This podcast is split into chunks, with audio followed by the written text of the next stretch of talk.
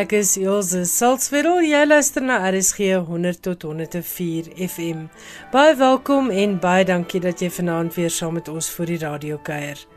Vanaand se skrywers en boeke gaan so 'n bietjie anders klink as gewoonlik, want die grootste gedeelte van die program sal afgestaan word aan 'n huldeblyk vir die dramaturg, digter en Hertzogpryswenner Pieter Fourie. Maar in die tweede helfte van die program sal jy wel kan luister na Johan Meiburg se insetsel oor die internasionale boekewêreld. Ek hoop jy geniet vanaand se program.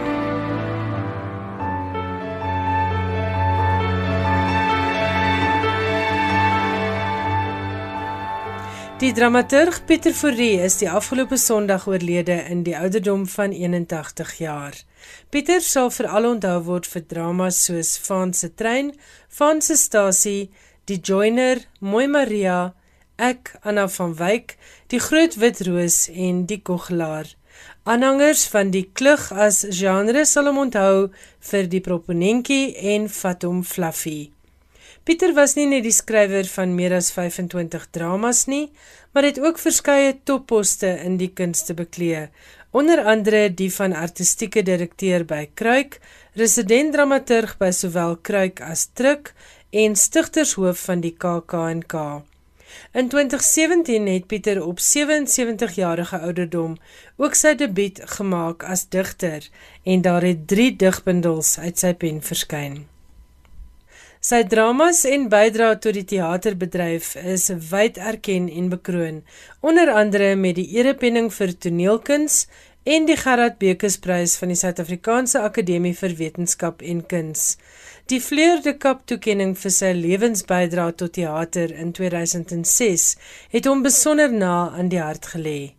Sy drama-oeuvre is in 2003 met die Hertzogprys bekroon en in 2011 het die Universiteit van die Vrystaat 'n eredoktorsgraad in drama aan Pieter toegekend. Ek het die voorreg gehad om Pieter persoonlik te ken omdat hy met my ouer suster getroud was. En al was ek destyds nog maar 'n tiener en later 'n student aan die Universiteit van Stellenbosch waar hy ook studeer het, onthou ek sy voorliefde vir stories veral staaltjies oor die teater baie goed. Ook met die saamstel van Vanaand se Huldeblyk het hierdie natuurlike storie vertel vermoë my weer opgeval.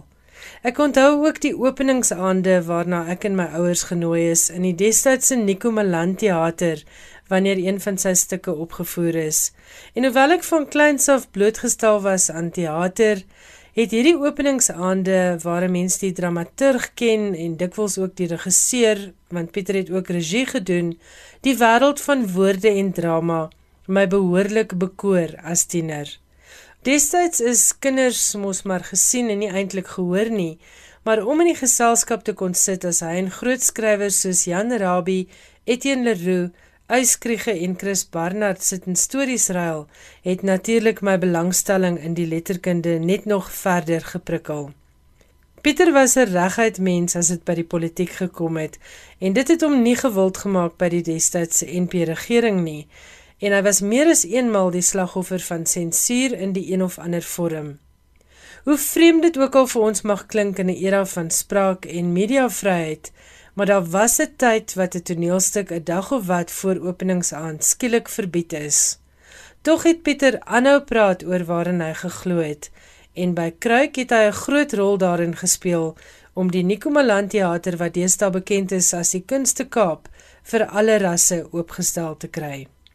Jy kan nou luister na uittreksels uit twee onderhoude uit die SABC argiewe. Ek het juis onderhoude gekies waarin Pieter gesels met twee mense met wie hy 'n vriendskapspad gestap het, naamlik Daniel Hugo en Margot Luit. Ons begin met 'n uittreksel uit 'n onderhoud wat Daniel Hugo in 2001 met Pieter gevoer het en direk daarna kan jy luister na 'n uittreksel uit 'n 2017 onderhoud met Margot Luit waarin Pieter oor sy eerste digbundel praat. Lekker luister.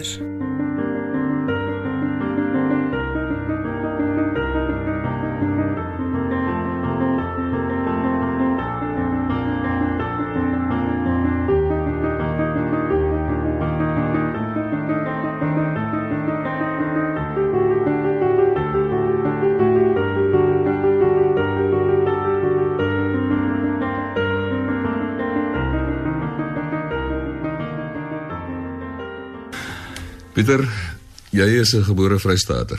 Ja, ja, ek kom daar uit die uit die Suidwes Vrystaat uit uh, uh eintlik meer Wes Vrystaat gebore op Flippolis en op baie jong ouderdom, 7 jarige ouderdom Lukhof toe.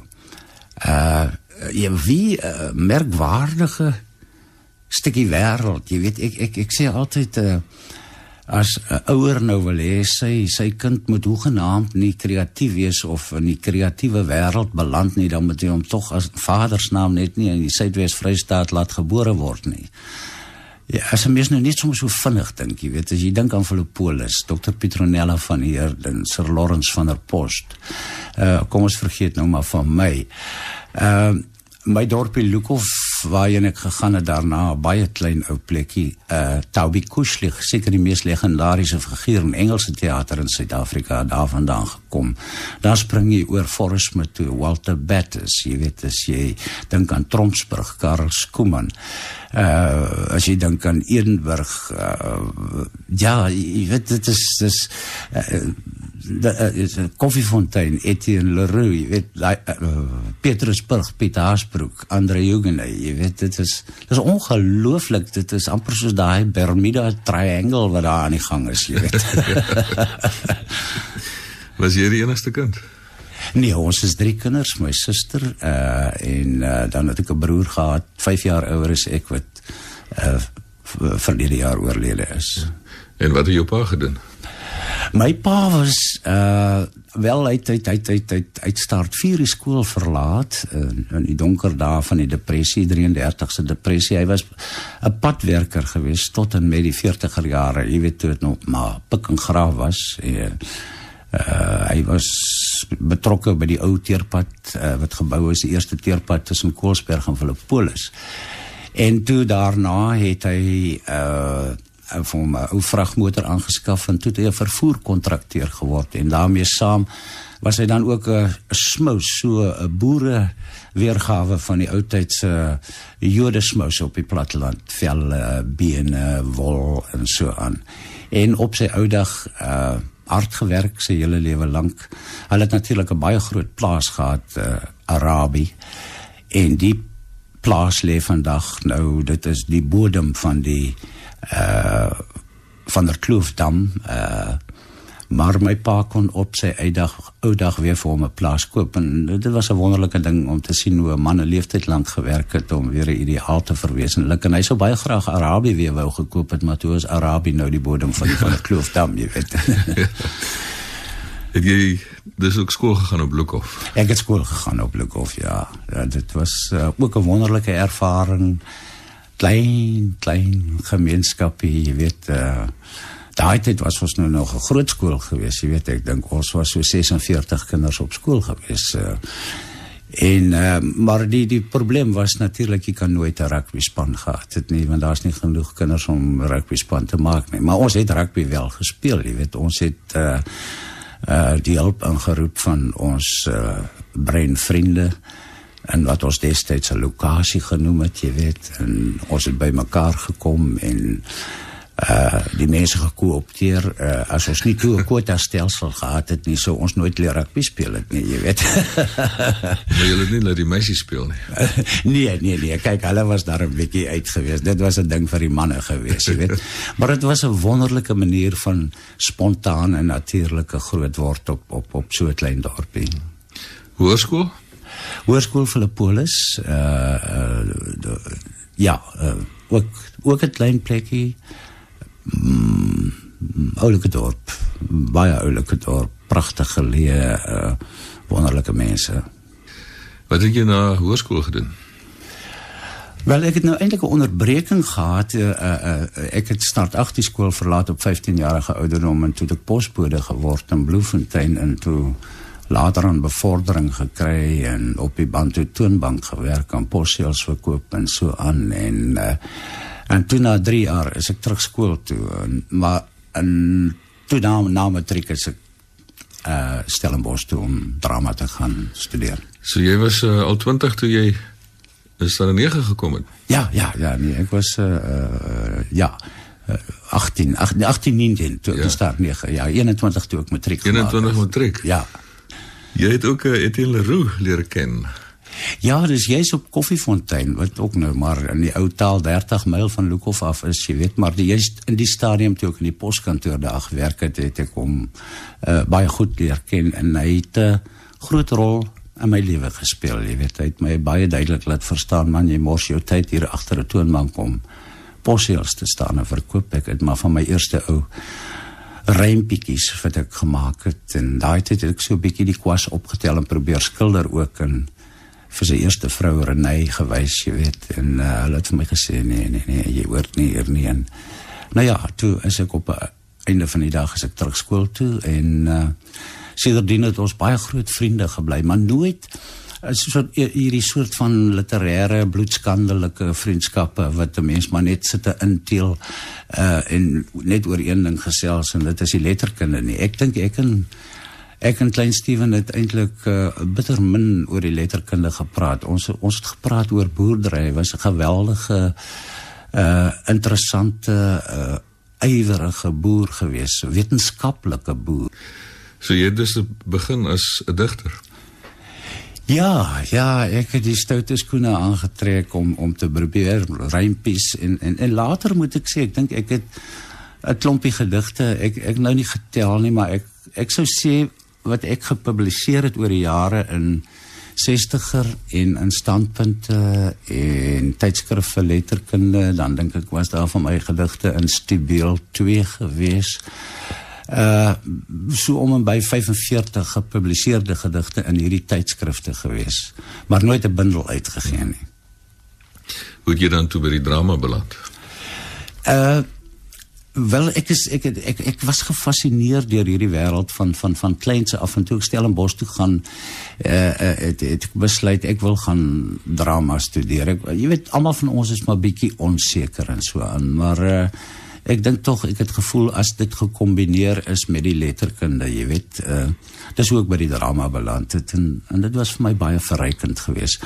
Maar eintlik was ek daar eintlik maar net om om om meer onder die vel te kom van die drama as tegniek, jy weet, en nie so seer met die ideaal om eendag 'n speler te word nie. Uh ek het gespeel, maar ek was maar 'n baie swak speler. Ek dink ek was een van die grootste ham actors wat die land ooit gesien het, jy weet, maar uh uh die, feit dat ek daagliks met die teater deurmekaar was en kon gespeel het en al die tegniese fasiliteite het my geweldig gehelp as dramaturg. Ja. Wie was jou leermeesters op Stellenbosch?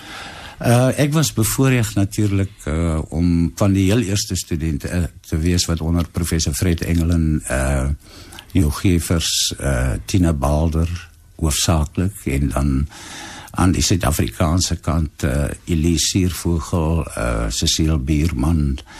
Ja, ons Esther van Reiswyk, baie sterk span, baie sterk span wat uh, vir ons 'n baie gebalanseerde opleiding gegee het. En jy het natuurlik ook Afrikaans en Nederlands gestudeer. Ja, ja, dit was eintlik my groot liefde geweest, jy weet, en daar ek die voorreg gehad om onder mense te studeer soos uh, die Opperman, Dirk Opperman, uh uitemaal uh professor Meyer de Villiers en Willem Kempen. Dit was ek dink veraldag seker die vier groot bulle gewees. En jy het ook in Opperman se letterkundige laboratorium gesit. Ja, ek dink in die heel eerste een. In die heel eerste een was ek het ek die voorreg gehad om te wees en, en dit is daar waar ek nog steeds ook uh, poesie geskryf het. Ek weet nie baie mense sê jy weet uh, daar loop vandag nog 'n baie sterk poëtiese streep deur deur my werk. Ek kom dit persoonlik nie agter nie want ek skryf die taal wat die mense praat waar ek vandaan kom. Ek, ek, ek dink daar's een of twee van die geleerde mense wat al gesê het ek skryf amper 'n soort van Griekwa-Afrikaans by tye. Nou vir Polis die wêreld daarso is is is is Griekwa wêreld en dit is daar is 'n sterk poëtiese streep daarin, jy weet. Uh, eintlik eintlik ja, ek skryf kontretaal. Ek kan nie onthou watter drama dit is nie, maar een van die karakters daar al nogal langstukke aan uit Opperman. Ja, dit is dis jy weet uh, dit is dit is uh, Opperman het 'n geweldige invloed op my lewe gehad. Ek dink almal van ons het iewers 'n mentor wat wat wat wat, wat tog 'n sterk invloed op jou het en wat veral die beeldende uh, van Opperman. Dink uh, die beeldende in in in my dialoog is ook baie sterk en en die gebruik van 'n beeld en om deur te trek soos hy hom in die poësie deurtrek, gebruik ek hom baie byvoorbeeld in in in in die drama se struktuur en so aan. Maar uh, ek dink nie daar is iets meer verkeerd nie. Sodra mense dit net weer uit 'n ander hoek, ander invalshoek doen 'n uh, nuwe betekenis daaraan gee en laat dit nie net blote 'n genaskrywery word nie. Die lese van uh, julle gastehuis daar op Oudtshoorn is ook 'n opperman reël. Ja, ja, vir my een van die heel mooiste reëls wat hy geskryf het. En en weer eens daai ongelooflike beeldspraak, jy weet, waar God se konka brand, jy weet. Uh, dis nou die sterre. Dis die sterre, ja, ja. Die, die die die Karoo sterre is natuurlik net ongelooflik. En veral daar by Roderand en Skoomanshoek, ehm uh, waar jy afgesluit is amper in 'n kom daar lê jy weet en, en waar dit snags 'n pikgit donker is en en ja dan is die sterre net daar en dan is dit vir my waaragtig soos waar God se konka brand maar dit het vir my ook die konnotasie van van uh uh, uh van van van van skepping jy weet van van vonkies wat spat en vonkies wat wat gebore word en uh dit is so 'n lekker gerusstelling om onder so uh, wat doen mense dit motto te leef. Maar ons is nou eers by jou studentejare op Stellenbosch waar jy drama gestudeer het en Afrikaans en Nederlands gestudeer het. Het jy toe al begin uh, dramas skryf ook? Uh ja, ek dink so in my 3de jaar uh het ek het ek uh, al begin want ek het baie duidelik duidelik die tekens rondom my gelees, jy weet uh uh as jy nou hier klaar is uh, uh wat nou vorentoe jy weet dit's maar die presies dieselfde situasie is vandag jy weet uh, alhoewel dit uh amper 40 jaar gelede was jy weet uh, daar's geen werk nie. Uh dit was net na die NTO en net voor die koms van die streeksrade daar was daai tyd wat hulle genoem het die tussentydse streekrade vir die uitvoerende kunste.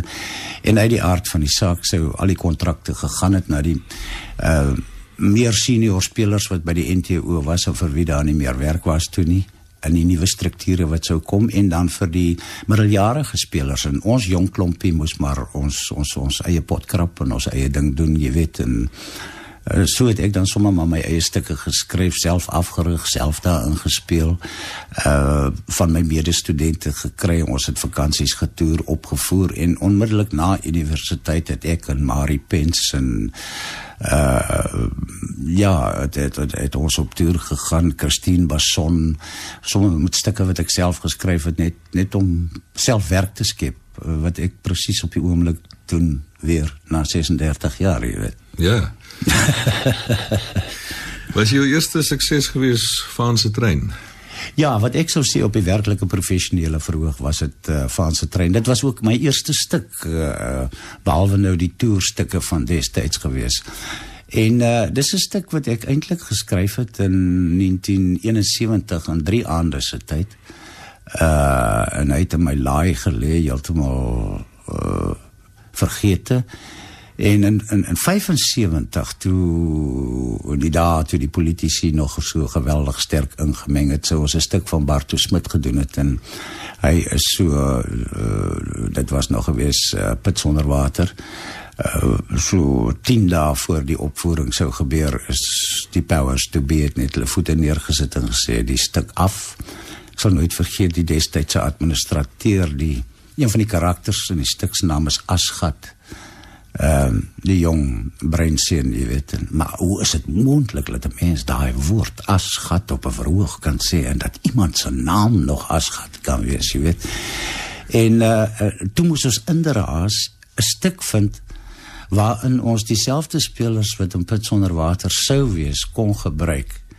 En toevallig was dit maar nou van se trein wat daar uit 'n laai gelê het. Ek het nie eers daaraan gedink nie. Kobus sou dit vir my gesê want hy sou ook daaraan speel, maar daai stuk wat jy geskryf het man 6 jaar gelede, jy het hom een aand vir my gelees. Uh, moet jy mens nie weer daarna kyk nie. Het dit ons daarna gekyk en so heel per toeval het die stuk op die ja. verhoog beland. Op watter verhoog was dit?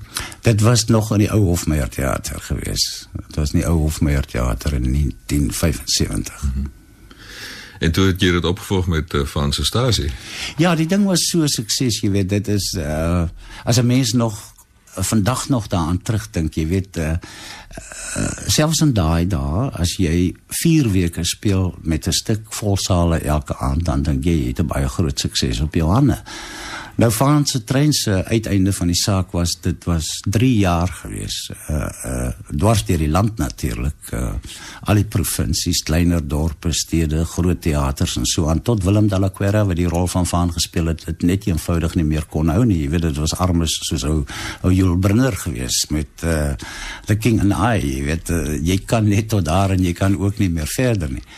En toe het ek dit opgevolg met uh Van se stasie ja was dit 'n ewe groot sukses. Dit was 'n ewe groot sukses. Eintlik eh, destyds uh uh jy weet daar is omtrent nie 'n filmmaker in Suid-Afrika wat nog nie 'n film wou maak van van se trein nie en van se stasie en uh oorsee uh ek het uh, die die die uh 'n opsie op die opvoerregte verkoop aan Warner Brothers in Hollywood destyds uh, en en aardig genoeg het hulle meer belang gestel in Franse stasie as in Franse trein. Franse trein is baie beter stuk. Maar Franse stasie was ek dink filmies meer en dit jy weet in die filmbedryf werk dit so daar is 'n film wat 'n geweldige sukses is en dan word soek al die ouens 'n soortgelyke ding. Dis amper so 'n kultus ding wat dan ontwikkel. En op daai stadium was dit Jack Nicholson se uh, One Flew Over the Cuckoo's Nest gewees en toe die ouens gevoel maar hulle kan 'n fanse stasie kry hulle ding by en daar en dit. En ek moet sê dit was op die nippertjie na of die dinge deurgegaan maar dit het skeef geloop soos dit het ons op die verhoog gebeur. ja. nee, jy weet wat George Bernard Shaw het uh, there's one thing about theater, jy weet, it's almost, almost always at a low web. en dit leer 'n mens mee saamleef. Ja, ja. Nou Pieter, jy het uh, voor ons begin gesels het vir my gesê dat jy altesaam omtrent 23 stukke geskryf het waarvan 15 gepubliseer is. Ja. Nou, dit is 'n onregverdige vraag, maar watter van daai stukke lê vir jou naaste aan die hart? Ja, dit is dis 'n dis 'n baie moeilike ding. Jy weet uh uh ek sal altyd lief wees vir Van, uh, omdat Van my uh die geleentheid gegee het om myself met my heel eerste stuk te vestig as dramaturg. En ek sou kon aangaan met maklike suksesse van die sogenaamde volkstoneel, maar dit was nie my ideaal nie. En ek sou 'n van 3 en 'n van 4 en 'n van 5 kon geskryf het en sommer nog daarna 'n roman met 'n oorkoepende titel van ook kon geskryf het. maar ek het toe maar besluit om na die tweede een die gaans vir die goue eiers lê net om te draai, jy weet, 'n uh, nuwe koers in te slaan en toe het ek gekom met 'n stuk soos die joiner wat ek dink vir daardie stadium en is nie ek self wat praat praat nie die die die die literêre uh kritiseer dit baie hoog aangeslaan as 'n totale vernuwing in Afrikaans en en daarna het ek heeltemal soort van wegbeweeg sporadies weer teruggekom na die volkstoneel met 'n stuk soos Mooi Maria. Uh maar dan probeer altyd om die basis van volkstoneel te gebruik uh, soos byvoorbeeld die dialoog, die sterk storie, die herkenbare karakters, maar dan struktureel uh in 'n totaal ander wêreld in te beweeg, die wêreld van van van van die moderne teater van die tyd, jy weet. En uh, dit het dit het nogal gewerk as ek terugdink aan aan aan aan stukke soos die joiner en die plaasvervangers, die kogelaar, ek Anna van Wyk. Uh uh, uh en en wat mense veral bly maak is dat dit dat hierdie stukke tog 'n lewe in hulle het dat dat dat dat jou Anna van Wyk uh, wat 'n jaar of 2 gelede opgevoer is 18 jaar nadat hy aanvanklik geskryf is eintlik nou sterker staan as wat hy destyds gestaan het om verskeie redes. Maar die teks is nog altyd dieselfde teks nê en en dan voel 'n ou uh, jy het iets bereik. As jy iets kan skryf wat wat wat uh, bly staan. Maar nou aan die ander kant weer van die volkstoneel werk die ligte dingetjies. Ek het sommer so 'n ou dingetjie geskryf uh, die proppenetjie uh, maar die ding word opgevoer jaar na jaar uh, oor die hele land deur amateurs en so aan. Hy was onlangs in uh die Parel weer 'n opvoering. Ek dink vir 3 weke gespeel uh Ja, dat oude man aan die lewe. Was daar ooit 'n stuk van jou verbied?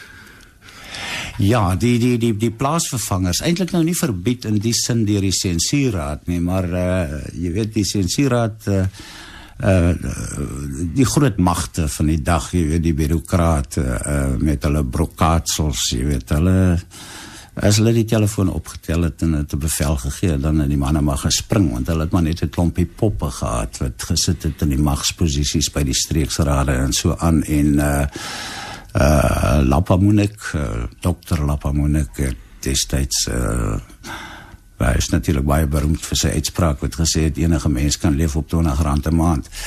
Uh nou ja, het toe beveel dat uh, ek ag dat die plaasvervangers moet afgehaal word. Hy sou op 'n toer gegaan het na Port Elizabeth, Oos-London en die hele Kaapland en dat hy nie verder kon toer nie. En daar is vandag teatermense, ek dink ek nou weer aangeluister na Martinus Passon wat dit beskou as my beste werk. Waarom is dit dan verbied? Wel, jy weet daar was dinge daarin. Dit is uh, dit het gegaan oor die super-Afrikaner, jy weet, uh, dit het gegaan oor een familie oor vyf geslagte heen, jy weet. En ek nou net so vinnig dink die stuk speel af op die 100ste verjaardag van hierdie heilige kampmoeder uh, wat 'n jong dogter was in die uh konsentrasiekampe tydens die boereoorlog en dan is daar haar seun die afgetrede ou senator wat 'n totale alkoholist is en dan is daar sy seun uh wat die minister van sis en so is en dan is daar sy seun wat 'n LEK is en dan is daar sy seun weer wat 'n LP Erikie van Houten is en dan is hy nog gay boonop ook. En dit was vir daai daar so 'n bietjie skokkend geweest en en dit was ook dan die einde van die bloedlyn en dit was eintlik 'n stuk wat in die toekoms afgespeel het. Alhoewel ek dit in die 70er jare geskryf het het die stuk homself uh afgespeel uh uh in die laat 90er jare.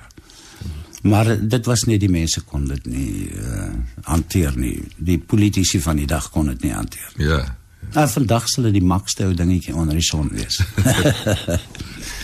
Jy sê jy het 'n Franse trein in 3 dae geskryf. Ja. Skryf jy altyd so vinnig?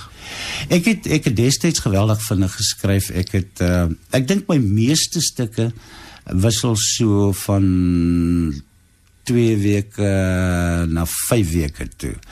Uh maar dan het ek baie lank daaroor getop, jy weet. Maar as ek dan gaan sit, dan is dit 'n uh, uh, een enorme vloed, jy weet. Ek het baie daaroor gedink en ek gaan sit en ek ek werk 21 ure 'n dag en dan slaap ek 3 ure en dan werk ek weer 21 uur. En uh ek gaan binne 'n bepaalde ritme in, jy weet, uh, baie wyn, geweldig baie wyn uh, uh baie sardientjies, jy weet, uh, eintlik eintlik is jou stapelvoedsel, my stapelvoedsel terwyl ek skryf uh, wyn en sardientjies. Uh want ek voel ek ek ek hou nie van onderbrekings nie. Ek gaan ook en ek sluit my heeltemal af waar daar geen telefoon is nie waar waar waar niemand weet waar ek waar is nie waar niemand my kan besoek nie waar jy geen besoeker het nie. Met ander woorde jy gaan binne in jouself vir daai 4, 5 weke heeltemal afgesny van die res van die wêreld. Dis natuurlik nie maklik vir die mense rondom jou nie, jou familie, jou vrou, jou kinders. Uh, dit is nie maklik vir hulle nie, maar uh, uh dit is nou maar hoe ek op my beste opereer. Hmm. Ja, so in 40 jaar het dit uh hoeveel keer gebeur? Omtrent 30 keer gebeur. Omtrent 30 keer, baie maklik, ja. Maar eh, dis dis dis dis wonderlik om so 'n bietjie met jouself deur te bring, jy weet, uh, uh jy ontdek nogal snaakse dinge. Uh uh jy moet nooit met jouself uh besig wees nie. Jy moet met jouself deur mekaar wees. Dis uh jy moet ondersoekend wees, jy weet, en, en daai dinge kom uit as jy in daai totale afsondering is.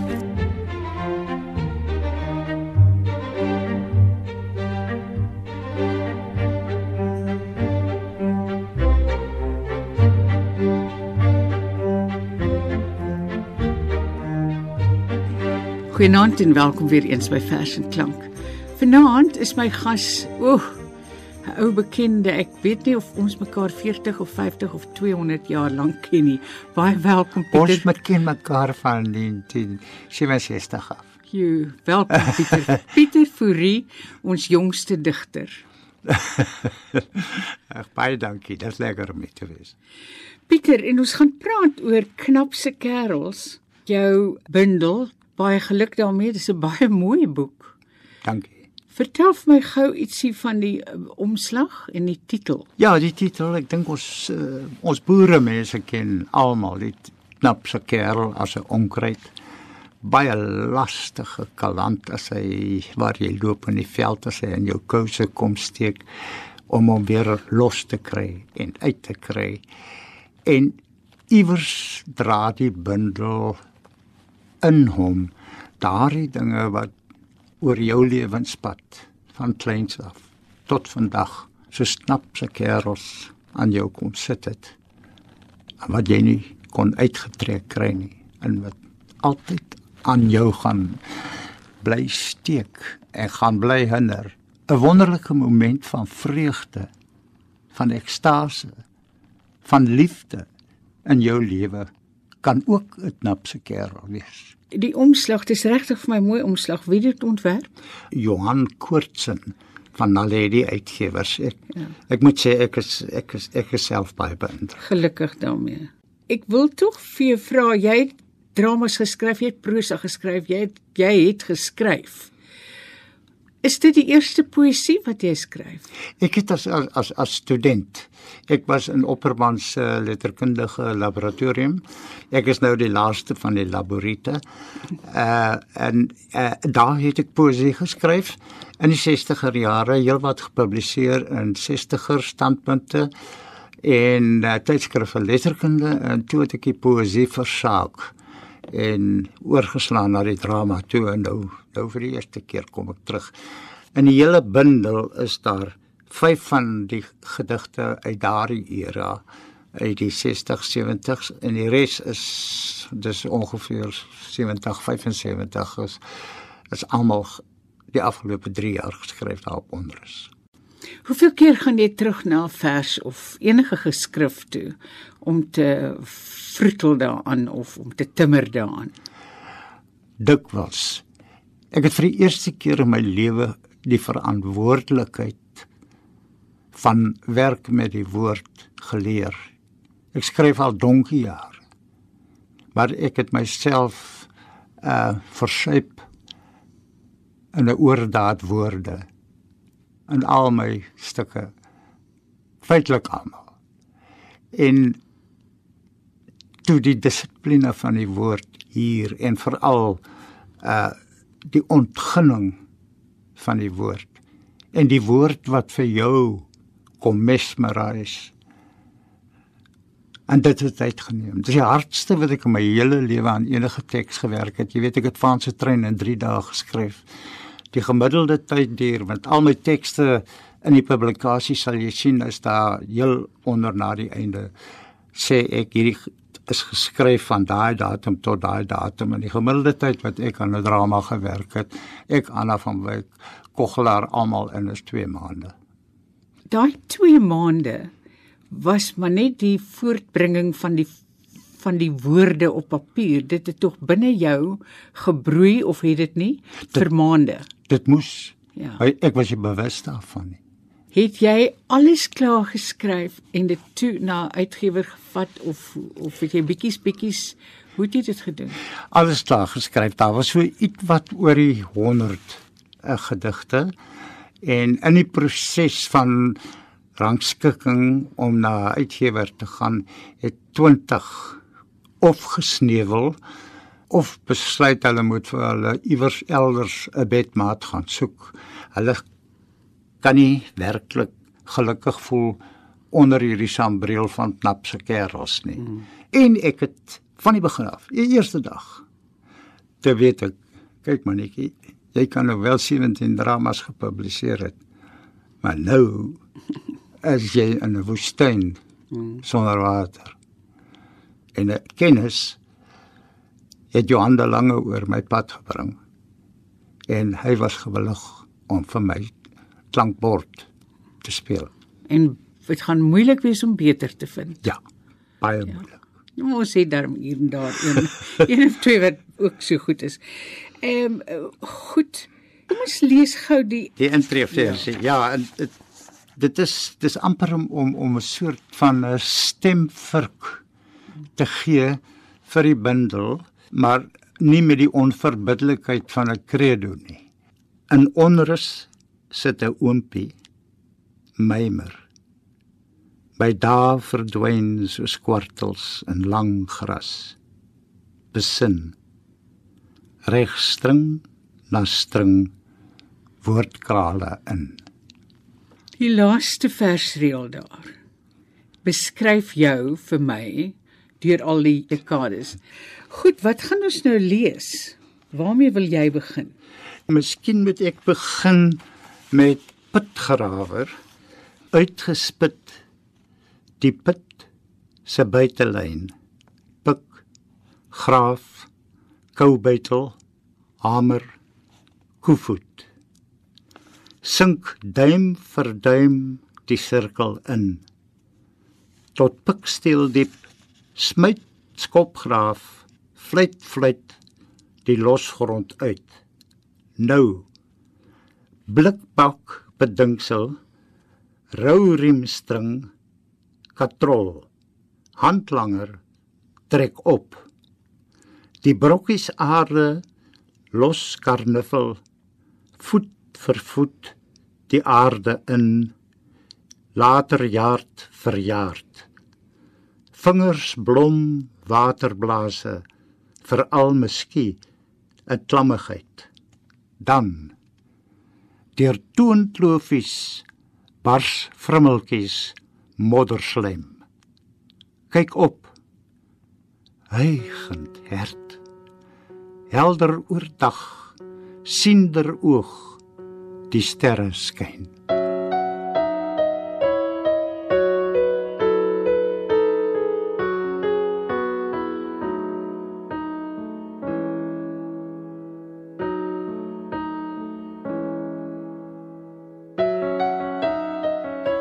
jy het hierdie liefde vir die Karoo of Kroo ook na vore gebring in Blou Valkie. Wie nie dit vir ons lees nie. graag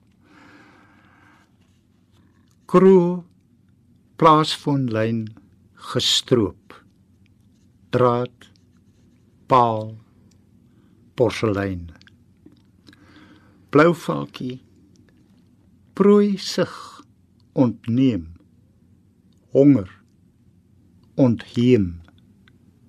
Paalnes verwoes skoortstukkies draad droë stokkies veertjies.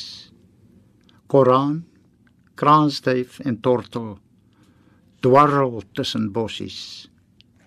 Blertse eiergeel lok die stokstertjie snags hoor stilte nooit weer die foonduinshuis satelliet gesels digitaal stil verby die suiderkruis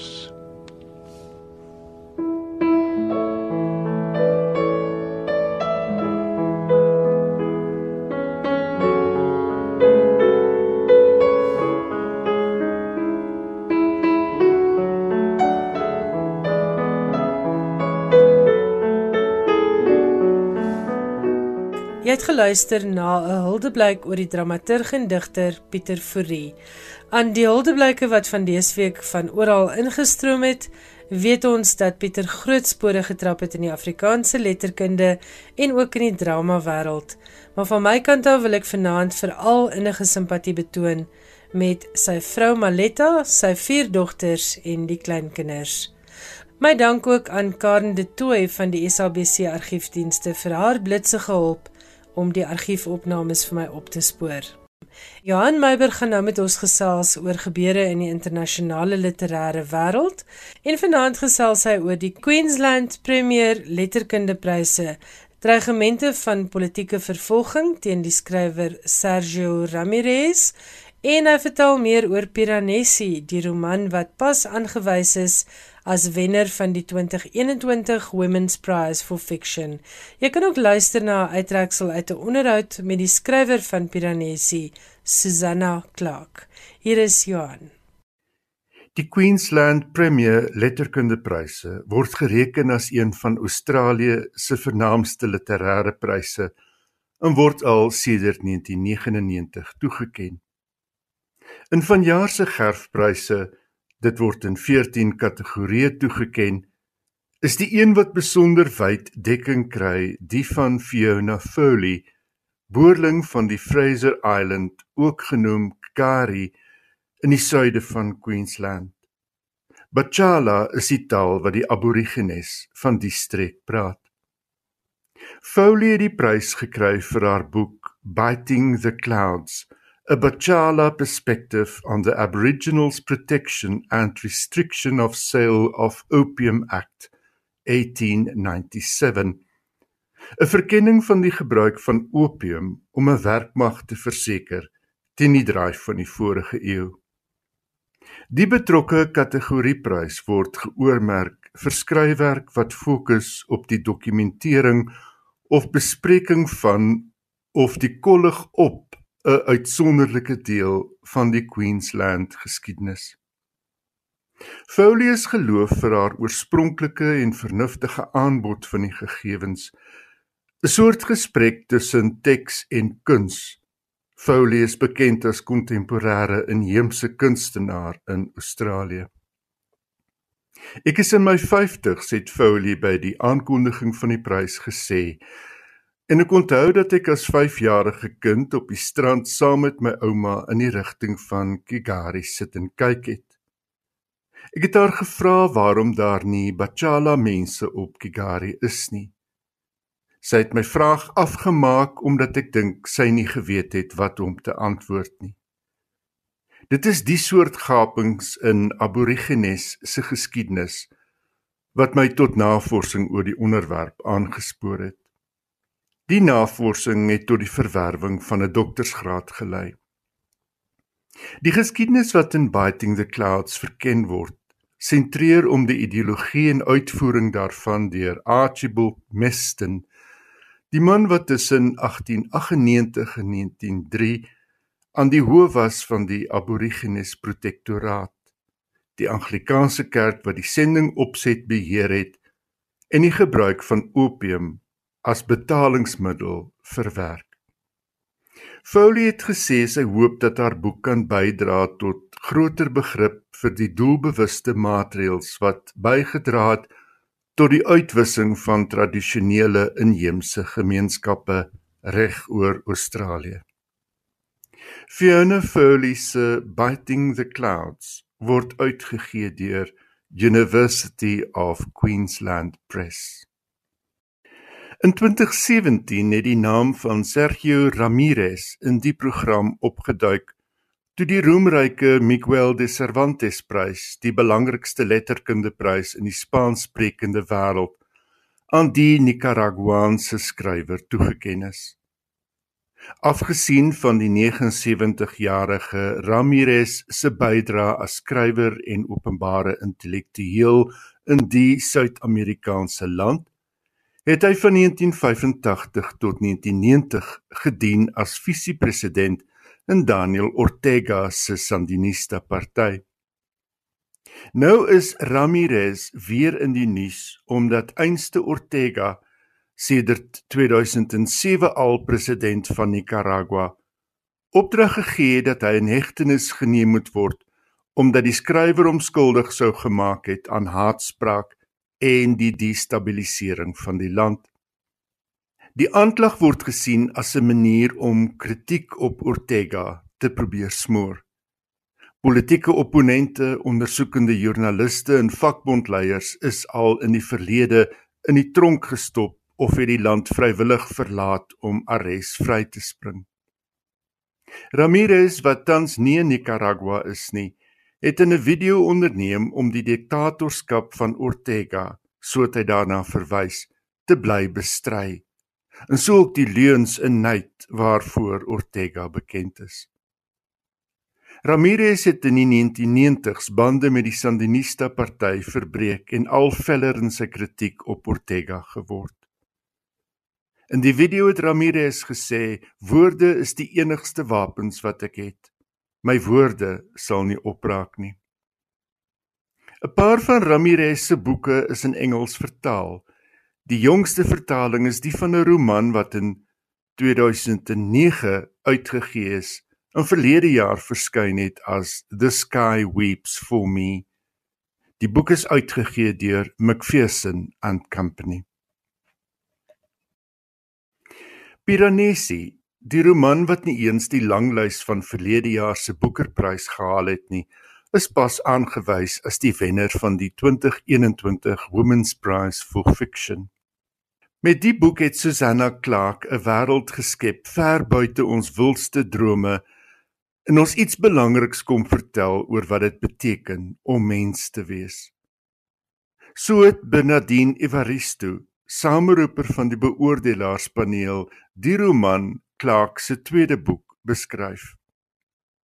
Clark het lesers van fantasie in 2004 oorrompel met haar debuut Jonathan Strange and Mr Norrell, 'n boek wat wel vir die boeker benoem is. En nou 17 jaar later en na ernstige siekte weer met Piranesi.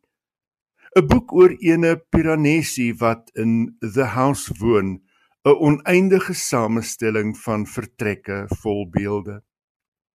Sommige van die vertrekke is ruim genoeg sodat daar plek is vir wolke. Ander is diep genoeg sodat dit oseane kan bevat. Piranesi kan hom kwaliek 'n lewe voor die huis indink. Sy dae bring hy deur deur die een vertrek na die ander te verken. Sy enigste mensevriend is the other, maar die is heeltyd op soek na 'n uitweg uit the house. By die toekenning van die prys in Londen het Clark gesê: "Soos julle weet, is Piranesi geskryf en uitgegee ten tye van 'n lang siekte." Dis 'n boek wat ek nooit gedink het ek sal geleentheid kry om te skryf nie. Ek het nooit gedink ek sal gesond genoeg wees nie. Daarom is ek des te meer verheug oor die erkenning. Die feit dat ek hier staan behoort aanmoediging te wees vir alle vroue wat deur lang siekte gekneelter is. Vorige wenners van die Women's Prize for Fiction sluit in Chimamanda Ngozi Adichie Maggie O'Farrell en Kamala Shamsi. Susanna Clark se Piranesi word uitgegee deur Bloomsbury. Hier is Susanna Clark in gesprek met Madeline Miller oor wie en wat Piranesi is. A an 18th century Venetian artist called um,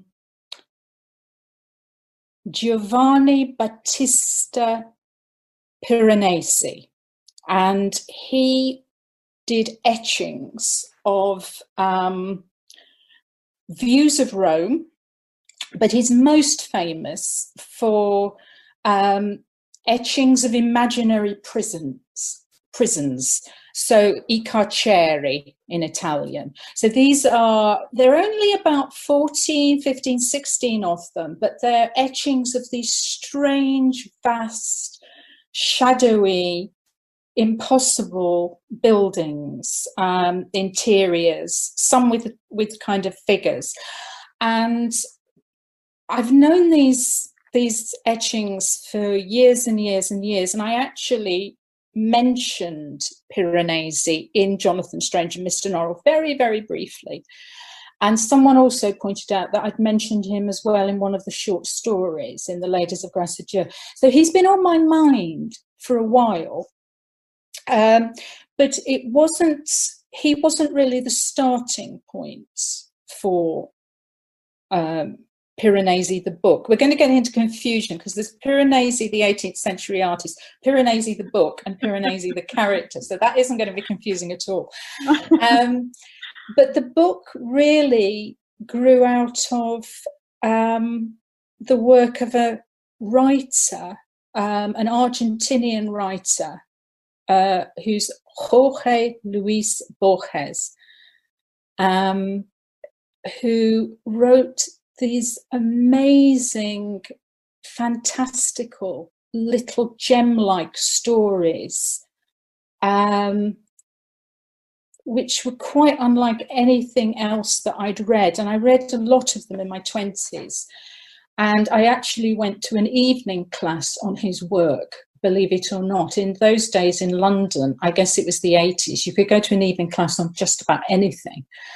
And I attended these classes. And at some point, I tried to write a book, Borgesian story. Um, he wrote about one world which was just nothing but a library. And he also wrote about the labyrinth um, in a story called The House of Asterion. And these sort of amazing worlds, I thought I could maybe do something like that. And so, even in my 20s, I began to try and write about a huge building that contained an ocean with these two characters. I didn't get very far, but that was that was the beginning. Mm. But later, much, much, much later, quite recently, when I was working on on it and I'd returned to it and I was working on it again, I was thinking, what names, what name should I give this character? And Piranesi just popped into my head, and at that point, it, I, I sort of saw it was quite a perfect name because it had this these connotations, as somebody said in the book, it has connotations of labyrinths and and and strange buildings. En dit was die stem van Susanna Clark. Sy het gesels oor haar roman Piranesi. Baie dankie aan Johan Meiburg.